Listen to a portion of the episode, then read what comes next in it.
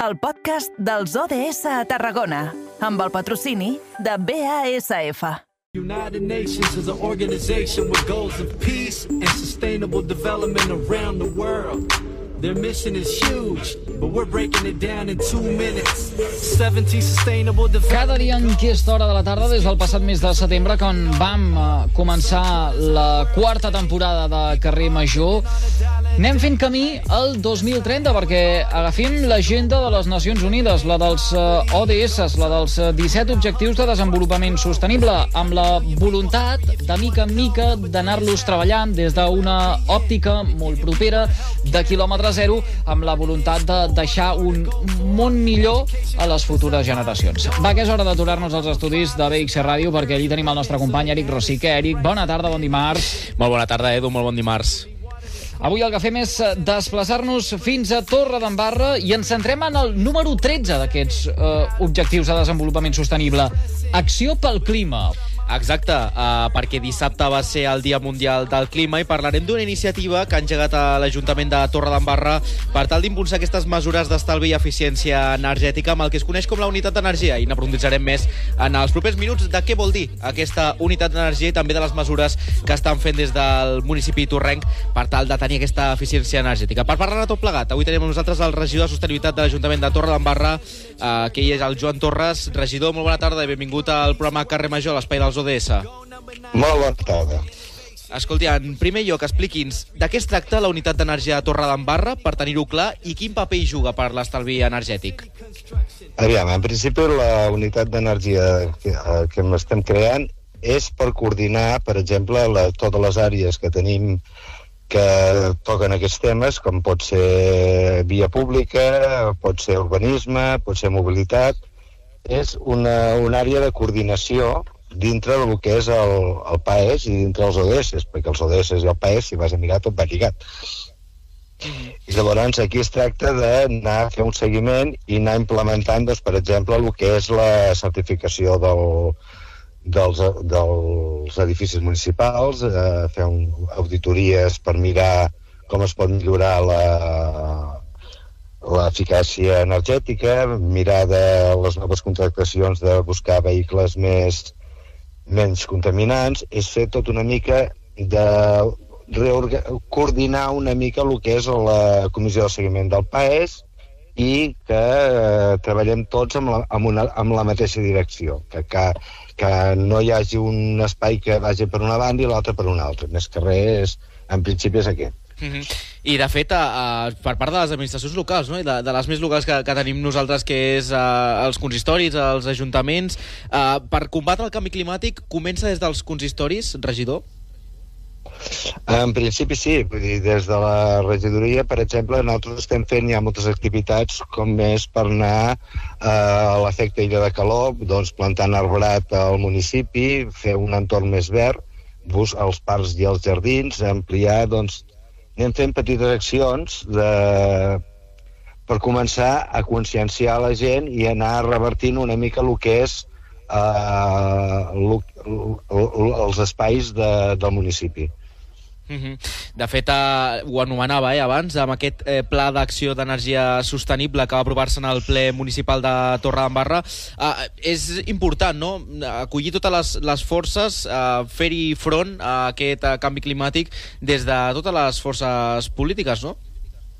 Uh, sí, és, uh, en principi vull dir, aquí s'ha aplicat tothom, vull dir, això és una cosa de, inclús la ciutadania, vull dir, és, no és allò de que sigui un partit polític o un que està al govern, sinó que és una, una, una, fe, una tasca que hem de desenvolupar totes les, tots els partits polítics, entitats, entitats ecologistes, en, totes les entitats i, tot, i la ciutadania i la ciutadania en principi a Torredembarra inclús amb el que és el reciclatge i aquestes coses està responent molt bé Mm -hmm.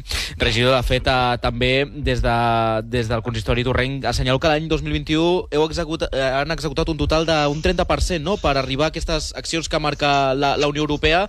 Um, ara mateix com està el, el camí no? per arribar a aquest 2030 tal com marca la, la Unió Europea? Bueno, doncs eh, anem, anem de mica en mica, tenim coses que estan fetes, vull dir, com és l'assessorament energètic, Uh, hem reobert l'oficina de pobresa. Aquí posava pobresa energètica, però en principi avui en dia ja no és pobresa energètica. És, eh, jo diria que és més aviat deficiència energètica, perquè amb la situació actual hi ha gent que no té pobresa energètica, però no vol dir que a la llarga acabi tenint pobresa energètica. I a part, el preu de l'energia, mm, aquí ens, ens hem d'aplicar tots i hem d'assessorar tota la societat per mirar de com es poden deixar aquests consums de la llum i, i, i els consums d'aigua la, a la llar, doncs, per exemple, també podem mirar de, de com fer un, auditories pròpies dintre la casa, que inclús ten, volíem fer, farem un taller de, per explicar aquestes coses i és, mm, és anar assessorant i mirar de baixar eh, el, el, el preu de, de la llum. El preu de la llum no la baixarem nosaltres, però mirar com hem de revertir aquesta situació, mirant de baixar potències i mirant de posar plaques, assessorar la gent, en principi. -hmm. I sobretot eh, tenint en, en compte no, també el, el canviar una mica la, les energies, no? també en equipaments municipals, eh, canviar-hi l'enllumenat per altres de més eh, sostenibles, també conscienciar una mica la, la població, com esteu treballant tot plegat des del consistori d'Urrenc? Bueno, de moment això és, eh, ja, ja has vist, al començament hem creat la, la unitat aquesta i en principi anem treballant de mica en mica dic, i a partir de, per exemple, em sembla la setmana que ve, no sé si la setmana que ve l'altra, farem una reunió amb totes les regidories per parlar d'aquest tema i aviam com ho enfoquem entre tots i treballem amb, amb aquesta línia. Mm -hmm. També, eh, Regio, preguntar-li que dissabte va ser el, el Dia Mundial del, del Clima, es va celebrar l'hora del, del planeta i també es, us, es van adherir a Torredembarra amb aquesta apagada no, de- d'equipaments municipals, fer una crida no, també de, de la consciència eh, de tot plegat, del preu de l'energia que també el tenim eh, res a, a peu del dia, però també per, per tal de, de tenir aquestes noves energies i intentar tenir algun tipus de- de- d'energia molt més sostenible. Aviam, la- l'hora del planeta que vam fer el dissabte vull dir, era per conscienciar la gent, vam apagar una hora les llums de, de, de, lo que són els focus que il·luminen els edificis, com és l'església, el castell i els llums de la plaça, és un acte simbòlic, però en principi així consciencies a la gent d'estalviar eh, energia i per altra banda estem parlant de, dels preus de la llum i aquí ja tothom està parlant de la guerra d'Ucrània, que pugen els preus, però és que la llum ja havia pujat abans de la guerra d'Ucrània. Vull dir que aquí hi ha altres coses que la manera que es comptabilitza la, la tarifa, el, el, quilowatt eh, eh, que compten quan entren al mercat el quilowatt, vull dir, no és correcte, perquè sempre estàs pagant la, la llum al preu més car. Quan el preu més car, el que entra potser és un 10 o un 15%, quan l'altre és molt més barat. Dir, jo crec que aquí ens estan prenent el pèl una mica en tots, perquè el, es tindria que fer la mitja de, del preu de, del quilowatt eh, pel preu que entra. Si n'entra una a 3 euros i l'altra a 25, es tindria que fer la mitja pel tant per cent que entra. Dic, aquí ens estan, ens estan prenent el pèl. Per mi, ens estan prenent el pèl. Mm -hmm. També, eh, vaja, mm, parlant una mica d'aquestes mesures que, que també enceteu no? de, des del consistori eh, Torrenc, en aquest punt d'assessorament energètic, eh, per exemple, a Cal Bufí, que, que teniu a la Torre en Barra, eh, per qui no conegui la, la iniciativa, què s'hi fa, fa per tal de minimitzar també el, el consum elèctric?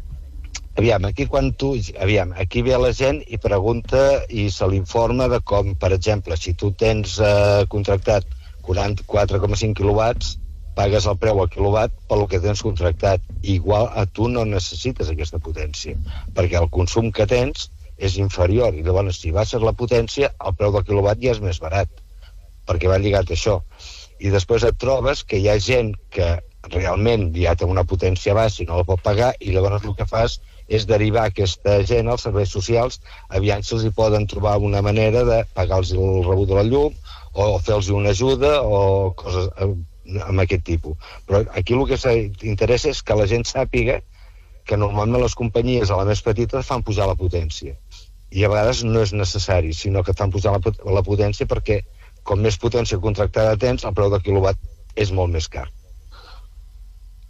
Mm -hmm. Uh, regidor, des de la Torre d'en estan fent molt bona feina en matèria de sostenibilitat. Uh, porten uh, uh, ja uh, un cert temps uh, potenciant aquestes uh, polítiques d'estalvi uh, energètic, fomentant-les no només en l'àmbit de l'administració, sinó també fent-les extensibles uh, a la ciutadania en general. Uh, ens queden uh, escassos 4 minuts uh, de conversa amb vostè i no voldria pas deixar l'oportunitat de uh, parlar del conflicte que ara mateix hi ha entre els treballadors dels serveis de neteja viària i el transport de residus eh, i l'Ajuntament perquè eh, aquells que eh, viuen i resideixen a Torre d'Embarra segurament del que parlem, els altres que ens estan escoltant des d'arreu del Camp de Tarragona potser no tenen clar a què ens referim, però ara mateix hi ha convocada una vaga indefinida a partir d'aquest proper eh, mes d'abril. Ens consta que eh, avui, aquest dimarts, eh, hi havia prevista una mediació al Departament de Treball. Regidor, no sé com ha anat aquesta mediació i si ens en pot dir alguna cosa. No, en principi encara no sé res de com ha anat la, la ronda aquesta perquè no he tingut temps de, de consultar però segurament demà al matí ja tindrem informació. Això sí, vull dir que la... ells han convocat una vaga que és a partir del dia 8 i és indefinida i llavors eh, si no hi ha un acord tindrem que establir uns serveis mínims i no ho sé, no sé què passarà, perquè no ens havíem trobat mai a Torre de Mar una vaga de la brossa i, i és bastant complicat perquè mm. a més a més a Torre de Mar hi ha una altra una cosa afegida que nosaltres hem anat implementant la recollida porta a porta i és clar, no és el mateix tindre molts contenidors a la via pública que la gent t'ho abocarà allà i sempre pots anar a recollir, sinó que és el servei de la gent que va amb els covellets i ja no té ni contenidors clar, jo aquí no sé com es tindrà que, es, tindrà que, fer, un plante, es tindrà que fer un plantejament i mirar com s'ha de on tindrà que deixar la brossa, es tindrà que... És, és, és una cosa bastant complicada que s'ha d'analitzar molt bé, perquè clar, això també ens ha agafat una mica de sorpresa a tots. Això aniria en detriment no? de totes aquestes bones polítiques i totes aquestes bones accions, aquest bon camí que ja tenien traçat en matèria de sostenibilitat. Entenc que això significa també un sotrac. Un sotrac bastant gros, perquè, clar, Vull dir, si no tens recollida de cartró, no tens uh, recollida de from, no tens... I al, al final, quan vagin a recollir, si se t'acumula la brossa al carrer, haurà un camió i ho recollirà i ho portarà tot uh, com a rebuig. I llavors perdràs tota la feina. No perdràs la feina que de conscienciació que has fet amb, el, amb la ciutadania, sinó que perdràs el que és les bonificacions, el, la, el tant per cent que tens de, que vas complint la normativa de reciclatge doncs et deixarà i llavors tindràs que, doncs, que fer com un, un reforç per poder arribar als nivells que t'està demanant eh, l'agenda 2030. Mm -hmm no, no sé quines solucions, si és que contemplen algun tipus de uh, solució per tal de no arribar a aquest extrem uh, regidor. Uh, divendres passat uh, entrevistàvem en directe a l'alcalde, l'Eduard Rovira, encara no érem coneixedors d'aquesta vaga, en tot cas en declaracions a Ona de la Torre, la Federació Intercomarcal de Tarragona de la Confederació uh, General del Treball, uh, explicava que els motius de la vaga són les diferències salarials que hi ha entre els treballadors, les irregularitats reiterades que troben a les nòmines i la falta de material de seguretat i salut que proporciona l'empresa, que segons apunten posa en perill els treballadors que presten aquest servei. Què hi pot fer aviam, davant de tot això l'Ajuntament? L'Ajuntament el que pot fer és, vull dir que ja s'ha fa una... és mirar que l'empresa compleixi els, eh, apretar una mica perquè compleixi amb el, amb el que és seguretat i aquestes coses i llavors també hi ha el, el, la problemàtica és que tenen treballadors que estan eh, amb el conveni de transports, un estan amb els de recollida, un estan amb un altre conveni, i tots fan la mateixa feina. I no és just que els mateixos treballadors amb feines iguals eh, tinguin convenis diferents. I uns cobrin més, uns tinguin tres dies més de descans que, els, que uns altres, vull dir, quan tots estan fent la mateixa feina. I jo entenc la postura dels treballadors en aquest sentit. I a més a més em sembla que fa un any i mig ja havien negociat amb l'empresa i em sembla que hi han arribat com a mig acord i al final la situació està igual. Hmm. Contemplen uh, la possibilitat de rescindir el contracte uh, entre l'Ajuntament de la Torre i Norbert Sorier, que és uh, l'empresa concessionària d'aquest servei? Aviam, hi va haver un moment que ja es, havia, ja es va fer la supressió d'aquest contracte i es va tirar enrere i se'ls va posar només una, una multa de penalització per no haver, no haver complert uns serveis. I a partir d'aquí el que es va analitzar és que havia que el contracte era curt, que es tenia que, que es tenia que arreglar, que es tenia que modificar, però quan l'empresa en aquest moment està en aquesta situació, vull dir, aquí s'ha de parlar, aviam com ha anat avui la reunió amb, amb, el, amb la Generalitat i, i, suposo que demà passat es tindrem que tornar a reunir amb l'empresa i els treballadors. Mm. Estarem al cas, eh, ho explicarem segur que els companys i companyes d'Ona la Torre ens eh, posaran al dia d'aquesta eh, situació. Senyor Torres, li agraïm moltíssim que, que hagi acceptat la invitació del carrer Major de les Ràdios de la xarxa al Camp de Tarragona. Aquest és un dels eh, puntals de la temporada, objectius de desenvolupament sostenible. Enhorabona per tota aquesta feinada que estan fent des de Torre d'Embarra eh, i esperem que aquesta situació eh, ara mateix que ens tenen un gran interrogant no s'agreugi i, és més, es pugui resoldre satisfent les demandes de totes les parts. Esperem i gràcies a vosaltres per, per convidar-me.